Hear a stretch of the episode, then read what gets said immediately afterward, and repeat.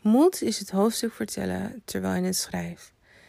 Daar geloof ik in. Ik ben Jirani Rillem en welkom op mijn podcast. Ik hoop je te bemoedigen met verhalen over mijn leven, over dingen die ik heb meegemaakt of nu ook meemaak.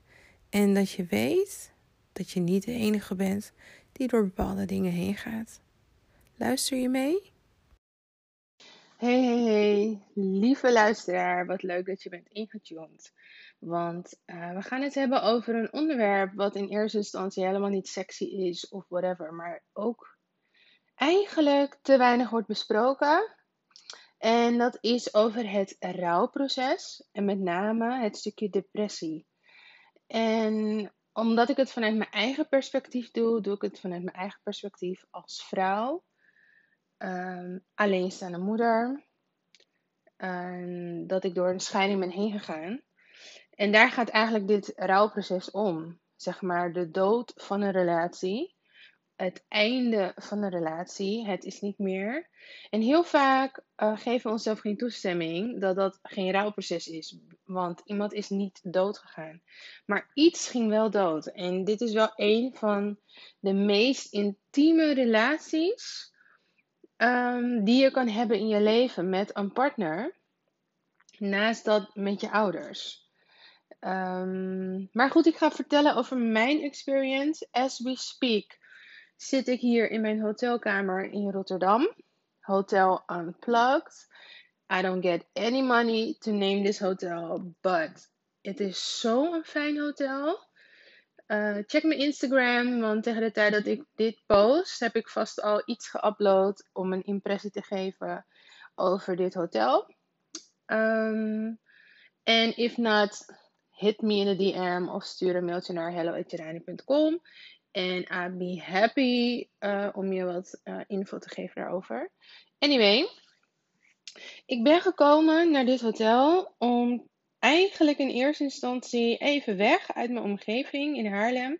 En Rotterdam is eigenlijk mijn, uh, one of my three favorite cities in the Netherlands. Zo, ik heb hier gewoond een tijdje en als het niet zo ver weg was van Haarlem, zou ik hier waarschijnlijk sowieso wonen. Maar omdat mijn familie in Haarlem woont en met een kind, uh, is dat gewoon makkelijker om je familie bij je te hebben. So that's why I don't live in Rotterdam. Oké. Dat gezegd hebbende ben ik dus hier gekomen en ik dacht, nou, het wordt een ontspan slash werk uh, mini vakantie. Ik heb hier drie nachten geboekt. Ik ben op een dinsdag hier aangekomen. En op een vrij, ik neem het op op donderdag en op vrijdag ga ik weg. Nou, ik heb tot nu toe, het is nu donderdag en even kijken hoe laat het is. Het is kwart over elf. Ik heb nog niet gewerkt. Ik heb wel wat dingetjes uitgeschreven. Ideetjes. Of nee, niet uitgeschreven. Eigenlijk gewoon alleen maar braindamp gedaan. Maar niks uitgewerkt. En gisteren liep ik door de stad en ik had een... Uh, heel leuk winkeltje gevonden waar je allemaal cadeautjes kan kopen. En toen vond ik dus The Box of Emotions. 80 cards to make sense of your feelings. Nou, als je hem opent, zie je 1, 2, 3, 4, 5, 11 hoofdtopics, waaronder zen, bliss, enjoyment, possibility, ego, bitterness, loading, angst, angst eigenlijk in het Engels, heartache, heat en emptiness. En ik ging een beetje door die box heen, want ik, wat het triggerde, is dat ik een cadeautje voor mijn vriendin uh, ging uitzoeken, die ik vanavond ontmoet. Hier in uh, Rotterdam. Ze woont in Capelle. Ik heb haar echt al twee jaar of zo niet gezien. En ik mis haar. En eigenlijk, zij is de enige wie ik echt wilde spreken. En dat ontroerde me, want zij heeft mij uh, tien jaar geleden heeft ze me met open armen ontvangen in de kerk waar ik toen voor het eerst weer heen ging. En sindsdien en zijn we eigenlijk echt geconnect geweest. Ze was heel open, heel, heel transparant, heel ja, kwetsbaar met haar verhaal te delen. En dat gaf mij moed door te denken: oh, het zijn niet alleen maar perfecte christenen. Ja, want dat dacht ik toen van: oh, kijk mijn leven, ik heb er rotzooi van gemaakt. En weet je, nee. Um, en ja, dus zodoende, ik dacht aan dat. Ik dacht aan haar. En eh, het ontroerde me. En toen dacht ik, nou, laat me de emoties erbij pakken. En toen kwam ik eigenlijk... ehm, ging ik op zoek naar sadness. En ik ging op zoek naar anxiety. Omdat ik het allemaal veel spannend vind van mijn business. Ehm, ik ben natuurlijk nu net fulltime ondernemer. Even nadenken, hoeveel maanden? Vier maanden. En het is rete spannend, om het maar heel Hollands eh, te zeggen.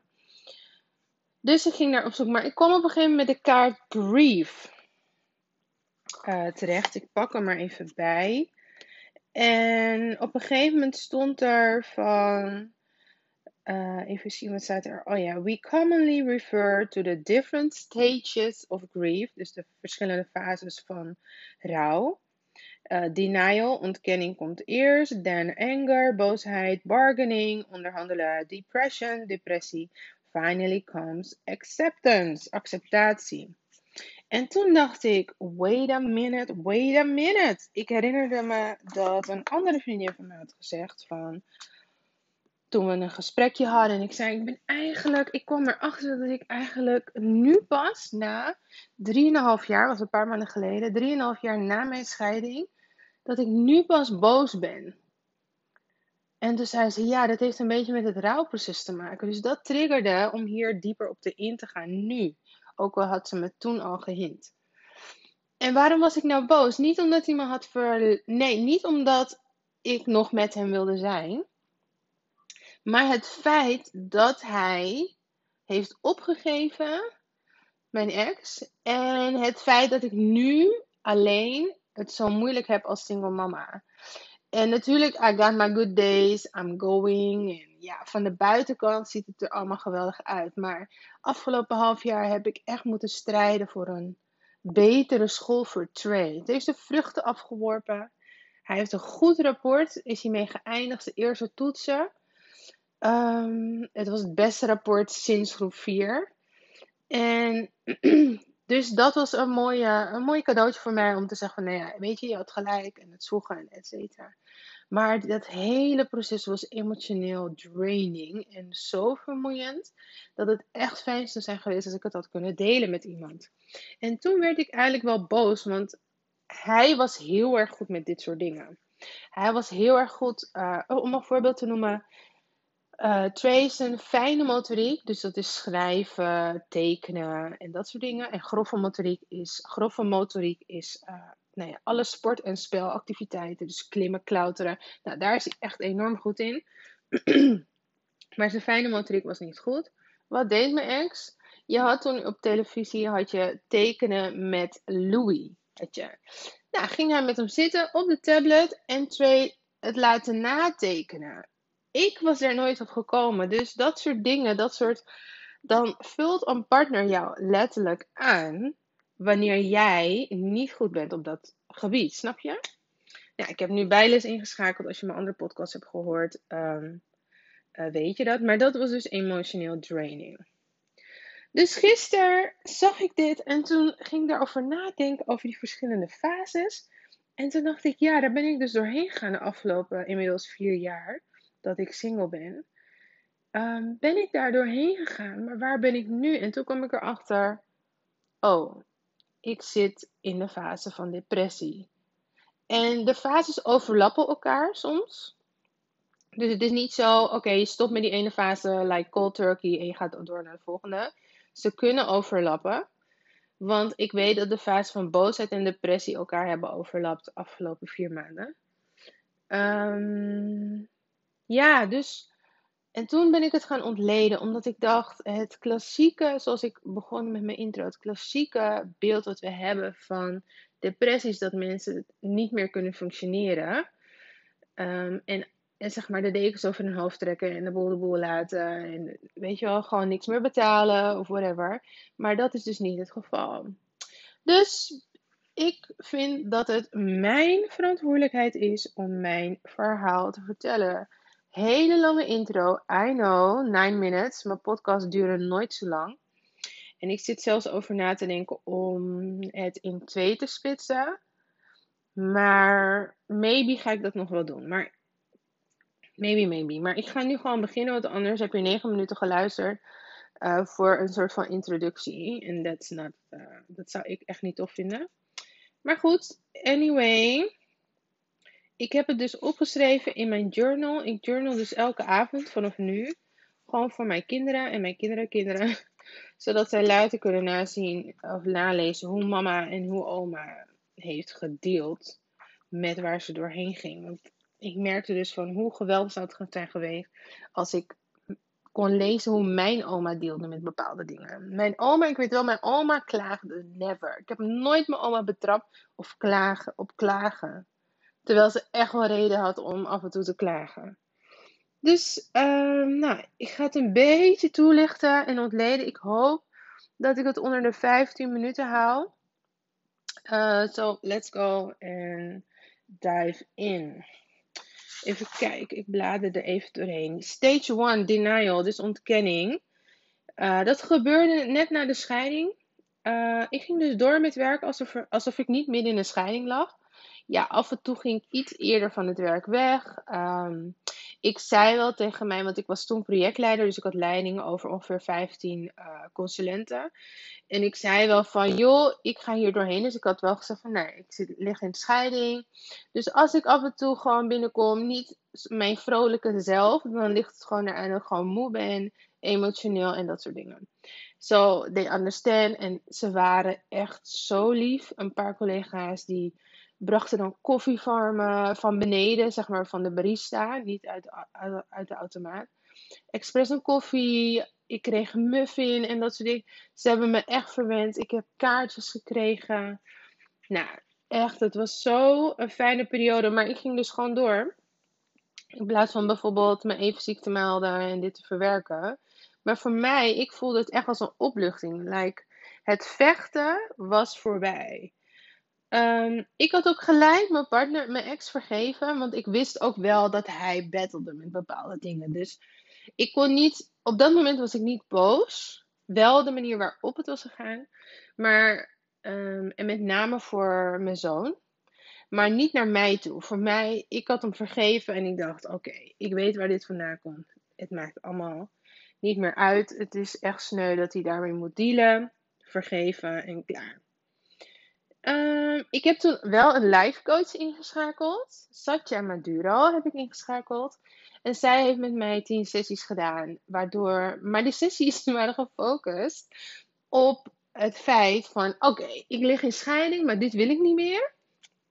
Dus hoe zorg ik ervoor dat ik niet meer bij een volgende relatie op dit punt terechtkom? Dus dat ik niet meer ga scheiden. Dus hoe komt het dat ik de man koos tot nu toe die ik heb gekozen? Waar komt dat vandaan? Of course, very good to do. Maar ik focus dus niet op het verwerken van de scheiding, maar ik focuste op voorkomen van zo'nzelfde event in de toekomst. En dat is classic Enneagram 8. Als je niet weet over de Enneagram 9, I'm an Enneagram 8. Uh, I'm the challenger and I have a seven wings, so I'm also the maverick.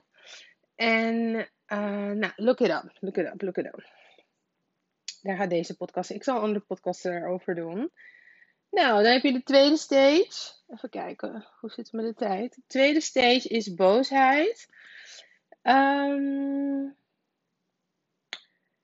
en die heeft dus best wel lang, wel een beetje overlap geduurd. Uh, gehaast. Uh, de ochtenden gestart, altijd race om op tijd te komen. En dat resulteerde uiteindelijk in een aanrijding maart 2018. Uh, ik reed de straat uit, ik trok op, ik had gekeken en opeens, bam, ik knal een auto. Dus bij optrekken. Dus niet meer dan 20 km per uur. Maar ja, ik trek heel snel op. Um, en ik dacht, ik van alle mensen, een aanrijding. Ik kan echt goed rijden, vlot rijden. Ik file parkeren doe ik woep woep. 9 van de 10 keer in één keer. En nu dan um, een aanrijding. Nou, het was echt een lesje humbleness. Maar ook een lesje van Dirani. Uh, jouw werkgever kan jou gewoon verplaatsen, uh, zeg maar, vervangen op het moment dat jij in het ziekenhuis ligt. Uh, chill een beetje. En doe even relax. Dus toen ehm, dacht ik, oké, dat moet allemaal relaxter. Ik was ook boos op de manier waarop de scheiding ging, het, de communicatie. Um, ik was ook boos dat um, eigenlijk mijn ex me heeft doen laten geloven dat ik niet goed genoeg was zoals ik was. Waardoor ik telkens ging aanpassen, aanpassen, aanpassen en mezelf veranderen, veranderde, mezelf ging veranderen. Wat maakte dat ik erachter kwam in 2015 al, dus uh, twee jaar voor de scheiding, dat ik totaal mezelf verloren was. Daar was ik ook nog boos over. Uh, ik was boos dat de zorg van Trey op mijn schouders alleen hing. En um, boos dat ik nog steeds aan het kopen was door het eten van mijn emotie. En boos dat ik zoveel tijd had verloren. Zeven jaar in deze relatie. In de prime of my life. Om het maar even zo te zeggen. Dat is dus het gevoel. I know it's not, it's not true. Ik weet dat ik nog steeds jong ben. Ik weet dat ik nog steeds worthy ben. Ik weet dat um, mijn toekomst is voor mij. En dat niet alles nu verloren is en dat ik genoegen moet nemen met minder. Maar dat is wel hoe ik voelde. Um, dus dat heeft best wel een lange tijd geduurd zonder dat ik wist dat ik boos was eigenlijk. Het kwam er pas de laatste maanden uit. En op zo'n manier, zeg maar, elke keer kwam een stukje boosheid naar boven, verwerkte ik het, et cetera. nou, ik ga dingen gewoon door. I'm almost done. Wordt het 20 minuten podcast. Nou goed. Fase 3, bargaining. En bargaining betekent to change the outcome or timing. Um, en wanneer het dan niet mogelijk is, ga je naar stage 4. Bargaining voor mij is uh, apps downloaden voor dating. En weten dat dat niet de manier is waarop ik mijn partner wil vinden. Um, weten dat ik er ook geen zin in heb. Het voelde echt niet goed. De hele tijd swipe, swipe. Leek net alsof ik mensen afkeurde op hun uiterlijk of profiel. Het voelde gewoon niet goed. Wat een oordeel zit daarachter. Voor mij, hè, persoonlijk. Um, af en toe een man benaderen. Wel heel casual. Maar ook weten van ja, dit is het toch niet. Weet je wel, dat soort dingen. Over visualiseren, let's, talk, let's keep it real. In plaats van het over te laten aan Gods timing en focussen op mezelf. Um, en ook denken dat wanneer ik het perfecte lichaam heb bereikt, uh, of gewicht heb, een perfecte lichaam heb, heb, zeg maar, of het gewicht heb bereikt, dat ik dan pas mijn partner tegen ga komen. Not true. Um, if you can love me now, don't love me later. When my later is much greater. Oké? Yeah, that's true. Mm. Uh, oh yeah, and trying to keep some sense of control by researching online on potential partners and find out if they check enough boxes and then talk to God instead of not doing so and let go and let God. Want als er één ding is wat ik heb geleerd van mezelf, is dat ik zelf geen goede matchmaker ben. Want anders was ik nu wel met iemand die uh, goed bij mij matchte. Simple enough. Ik ga deze podcast afsluiten. Ik ga er deel 2 van maken. Want anders wordt het te lang. En dat vind ik zelf ook. Uh, dan dat pauzeren tussendoor en dan weer oppakken. Dan moet je bijhouden waar je was gebleven. Zo, dat waren de eerste drie stages. En de volgende stage is dus wanneer je weet dus dat je met bargaining, dus onderhandelen, niet langer de uitkomst kan uh, veranderen. Of de timing kan veranderen. Um, dan ga je door naar de vierde stage. En de vierde stage is depression. So tune in voor deel 2 whenever you're ready. Hele fijne dag. Joehoe.